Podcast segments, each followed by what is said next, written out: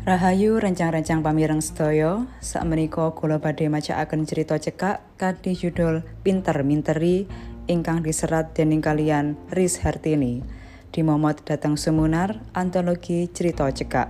Sumangga dipun midhangetaken. Nduk, kok pijer ngalamun ki ana apa to? Mangkono pitakoni Bu Parti marang anake wadon Parti. Dadi wong ki mbok ya sing sabar, pasrah marang pangeran sing paring urip. Jare wong sabar ki kekasih yang Allah. Krungu kandhane ibune mangkono iku kanthi alon parti mingerake lungguhe. Mripate nyawang wong tuane sing kari sesisih iku kanthi kebak rasa trenyuh. Bu, awake dhewe ki dadi wong cilik ya mesti wae kudu sabar. Nanging Bu, terus piye awake dhewe iki? Turu wayano tendo, ngelor kloso, Sing tak pikir ki masa depan Parto. Ojo nganti Parto dadi wong bodoh koyo awake dhewe iki. Pancen, Bu Parti iku mung kari urip ijen. Limang tahun kepungkur Pak Parti tilar donya. Ya wiwit iku kanggo nyempeti kebutuhan sadina-dinane, Bu Parti reka-reka dodolan sego ana ing omahe. Sing rewang-rewang mung anake si Parti lan Parto. Nanging, wiwit ana lindu gedhe sing ngrontokake kutha Ngayogyakarta, Buparti wis ora bisa dodolan maneh. Omah saisine rata karo lemah. Ora ana sing bisa dikukup. Yo amarga kedadian iku, Parti saben-saben tansah ndelek-delek ngelamun mikir nasibe. Bando sing pangaji omong omah sanajan paribasane disundul bangkok wae ambruk. Ewa semono gede banget mumpangati ketumrap kulawargane Parti. Nduk, Rono ta, kae kok ana woro-woro saka posko. Jengirat Parti ngadeg karo ndelingake swara sing asale saka posko. Atine Parti deg-degan. Ora antara suwe lambene katon obah. Eseme jemedul saka latine. Matur nuwun Gusti, dene paduka sampun paring rejeki dumateng kawula sabrayat arupi tedha ing enjing punika. Kanti polatan sumringah kebak esem, Parti marani ibune. Bu, Esuk iki awake dhewe iso sarapan. Sabubare kuwi, Parti melaku tumuju dapur umum sak perlu njupuk jatah kanggo mangan esuk. Sabaline saka posko, Parti nggawa tas kresek isi sego telung wungkus. Bu, iki mau ana bantuan mangan saka kumpulan pembantu-pembantu ing sawajining perumahan elit in wilayah Sleman. Bu Parti ngelus dodo.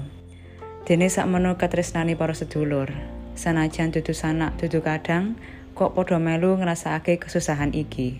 Apa maneh sing tetulung iku dudu wong sugih utawa wong kang tumrah bondo.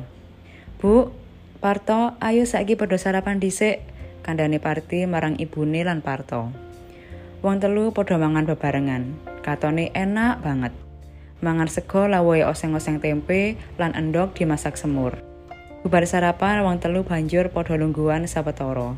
Sinambi omong-omongan apa sing bakal ditindakake sakwise kahanan Bali tentrem.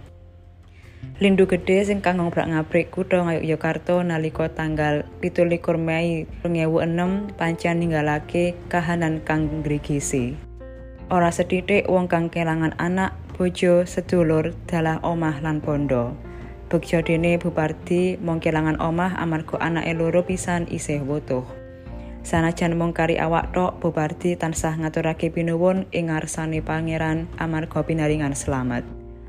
Saka kabar gedhok tular, Bobardi krungu menawa besok arep oleh bantuan saka pamarentah awujud beras lan duit sing jenenge jadup utawa jaminan hidup. Waktu wis lumaku sesasi suwene urip ana tenda. Bantuan jadup wis ditompokake. Sakliyane iku uga ana bantuan saka pamarentah kanggo ngedekake omah maneh. Nanging kapan matune Bupardi durung ngerti.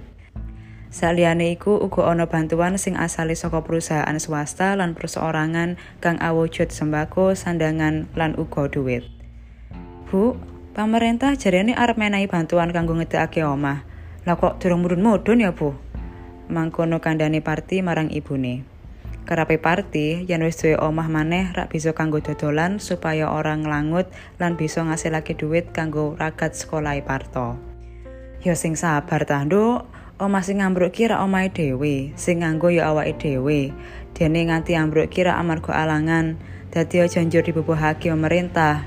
Piro akeh ragat sing dienggo bangun omah sing cacahe ewonan. Kowe rak ya kudu mikir ta, Nduk. Bu, ibu kira orang ngerti. Pemerintah ki durite akeh lho, Bu. Bantuan saka negara liya yo akeh. Karo maneh pemerintah iku wis janji yen arep bantu kanggo ngedegake omah sing rubuh. Saumpamane wong loro, awak dhewe ki wis klenger, wis semaput, Bu. Ora bisa disemeyani maneh. Kandhane Parti karo mripati kembuh luh atine nelongso. Beda karo Parto, bocah sing umur-umurane limang tahunan kuwi ora ngerti karibetaning Mbak Yu lan uang tuane. Buparti sejatine ya wis nate krungu bapak pemerintah arep aweh bantuan marang masyarakat sing kena korban lindu. Nduk, kowe rak ngerti Bupartel sing daleme kidol kono to? Pitakone Buparti. Ya genah ngerti ta, Bu? Ning Bupartel ki lak wis ra ono nalika lindu gedhe sing sepisan kae ta, Bu? Sing dikarepake kuwi lho. Jarene korban sing ati tiwas iku oleh santunan sing akeh pira ta, Nduk? Rong yuta apa malah luwih? Ning kandhane Pak Pardal kuwi mung oleh sak yuta. Kandhane saka kecamatan. Sing didaftarake tiwas iku mung 200, jebul korban tiwase sanyatane ana 400 punjul. Dadi nampone santunan ya mung sayuta. Lho kok bisa to, Bu? Bener iki piye? Santunan kok bisa dianyang? Bola bali wong cilik.